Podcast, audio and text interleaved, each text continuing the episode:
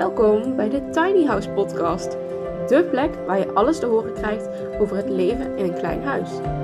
Mijn naam is Manon Verheid en voor deze podcast neem ik jullie mee met interviews met Tiny House bewoners en Tiny House lovers. We gaan het hebben over een minimalistische levensstijl, persoonlijke verhalen en het beleggen in tiny houses. Iedere twee weken komt er een nieuwe podcast, dus abonneer je snel en luister naar wat wij vandaag in petto hebben.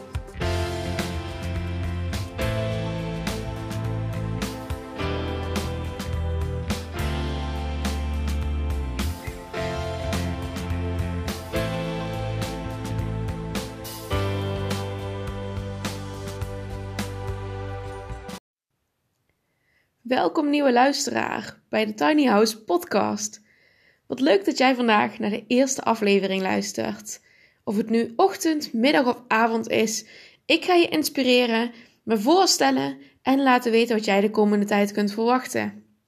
Mijn naam is Manon Vrijt en ik ga jullie meenemen in de wereld van tiny houses. Hoe dat zo gekomen is, heeft te maken met mijn verschillende bedrijven. Als multipassionate hou ik me namelijk bezig met ondernemerschap binnen voor buitendesign en binnen Brainstorm Babes. Voor buitendesign draait erbij om de herbestemming van agrarisch vastgoed. En Brainstorm Babes helpt jou als ondernemer of misschien gewoon als persoon met het genereren van nieuwe ideeën. Zoals ik al zei, ben ik een multipassionate. Dat betekent dat ik me interesseer in meerdere dingen. Ik heb niet alleen passies voor mijn bedrijven, maar ook daarbuiten nog talloze hobby's, zoals fietsen, wandelen, fotograferen en reizen. Die liefde voor de natuur, die eigenlijk in al die passies naar voren komt, uh, wilde ik in gaan zetten om mensen die minder met de natuur te maken hebben, te verbinden met de natuur.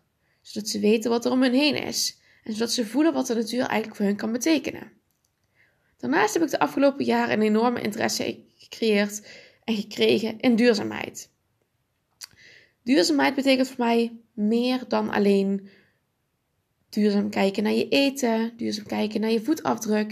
Het betekent ook je hele levensstijl aanpassen. Zoals ik al zei, houd ik me binnen voor buitendesign bezig met de herbestemming van agrarisch vastgoed.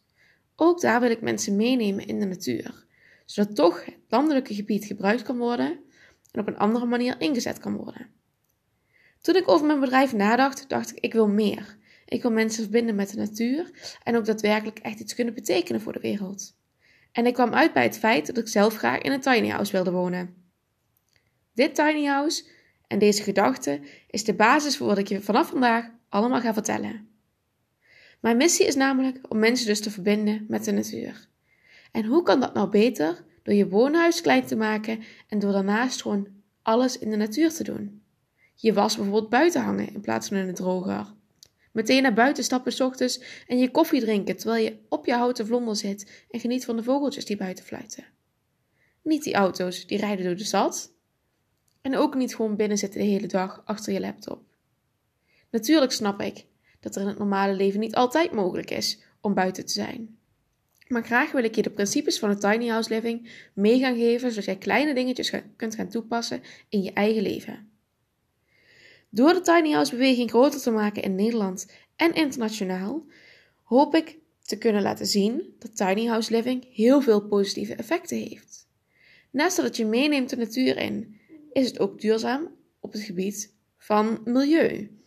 Uh, zoals jullie misschien wel weten, heb je daardoor een kleinere voetafdruk. Je verbruikt minder energie, minder water. Vaak zijn tiny houses ook nog eens zelfvoorzienend, of in ieder geval gedeeltelijk zelfvoorzienend. Dat betekent dat je ook nog eens met zonnepanelen aan de slag gaat, bijvoorbeeld. Maar daarnaast is het ook nog eens heel goed voor jezelf. Door meer in de natuur aanwezig te zijn, ben je productiever, ben je helderder en zit je vaak beter in je vel. Deze tiny house beweging in Nederland loopt nogal eens tegen een aantal dingen aan. Zo kan het namelijk zo zijn dat de wet en regelgeving heel lastig is, het vinden van een locatie of misschien juist wel de bouw en de restricties die daarbij komen kijken. Wat ik wil, is dat die wet en regelgeving op, op den duur gewoon hartstikke simpel wordt. Net zo simpel als een gewoon huis, een appartement, een studentenkamer, een 201 kap, zodat iedereen die maar wil in een tiny house kan gaan leven. Ik wil meer tiny houses in Nederland realiseren en naast deze podcast wil ik dat doen door ze te ontwerpen. Ik wil kijken naar een efficiënt ontwerp en een ontwerp wat exact bij jou past. Misschien heb jij wel zoiets, ik wil graag een hele grote keuken, omdat je van koken houdt. Of misschien heb je juist kinderen die je ook een slaapplek wil bieden. Dat soort dingen kunnen allemaal meegenomen worden. Het is dus niet alleen voor zelfstandigen of voor jonge, uh, jonge stellen. Tiny house living is voor iedereen. Wat kun je verwachten in deze podcast? Je kunt verwachten dat er interviews online gaan komen, waarin ik ga praten met tiny house bewoners.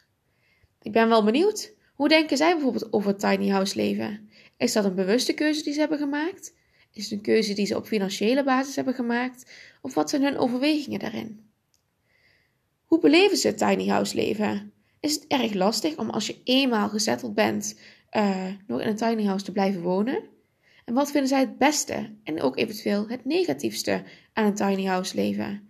Missen ze iets ten opzichte van een groot huis? Hebben ze misschien nog tips voor de luisteraars, voor jou, over het eventueel bouwen van een tiny house? Of misschien wel over het laten bouwen of het laten ontwerpen? Over het vinden van een locatie? Of bijvoorbeeld het uh, toepassen van de wet en regelgeving en toch alles kunnen doen wat jouw hart begeert? Daarnaast ga ik ook praten met want-to-be tiny house owners. Wat betekent dat ik ga praten, misschien wel met jou. Iemand die de interesse heeft om in een tiny house te wonen. Waarom willen ze dat nou eigenlijk zo graag? En wat kunnen wij, ik of andere bouwers, voor hun betekenen? Kunnen we misschien gezamenlijk iets doen, waardoor de overheid, provincie, gemeente wat soepeler wordt in de omgang met betrekking tot tiny houses? Ik hoop met deze podcast jullie te kunnen inspireren door naar de verhalen van andere mensen te luisteren. Ik hoop dat we met z'n allen een grotere beweging kunnen creëren. En ook al is die nog steeds groeiende in Nederland, ik hoop dat we op den duur tiny houses net zo normaal kunnen maken als een gewoon huis. Ik kijk ontzettend uit naar de volgende podcast. Ik ga namelijk praten met Lennart en Lennart woont in een tiny house, geheel zelf gebouwd. Blijf tuned, volgende week komt die aflevering online en ik hoor heel graag wat jullie van deze podcast vinden, wat jullie graag zouden willen horen en wat jullie inspireert. Dat was hem alweer voor vandaag. Ik hoop dat jullie er net zo van genoten hebben als ik. Om nog meer mensen te kunnen inspireren, zou het waardevol zijn als jullie een review achter zouden laten of als jullie mijn podcast met anderen willen delen. Alleen zo zullen meer mensen de Tiny House podcast gaan luisteren. Dank jullie wel voor het luisteren vandaag en ik wens jullie nog een super fijne dag en heel veel inspiratie. Tot de volgende podcast!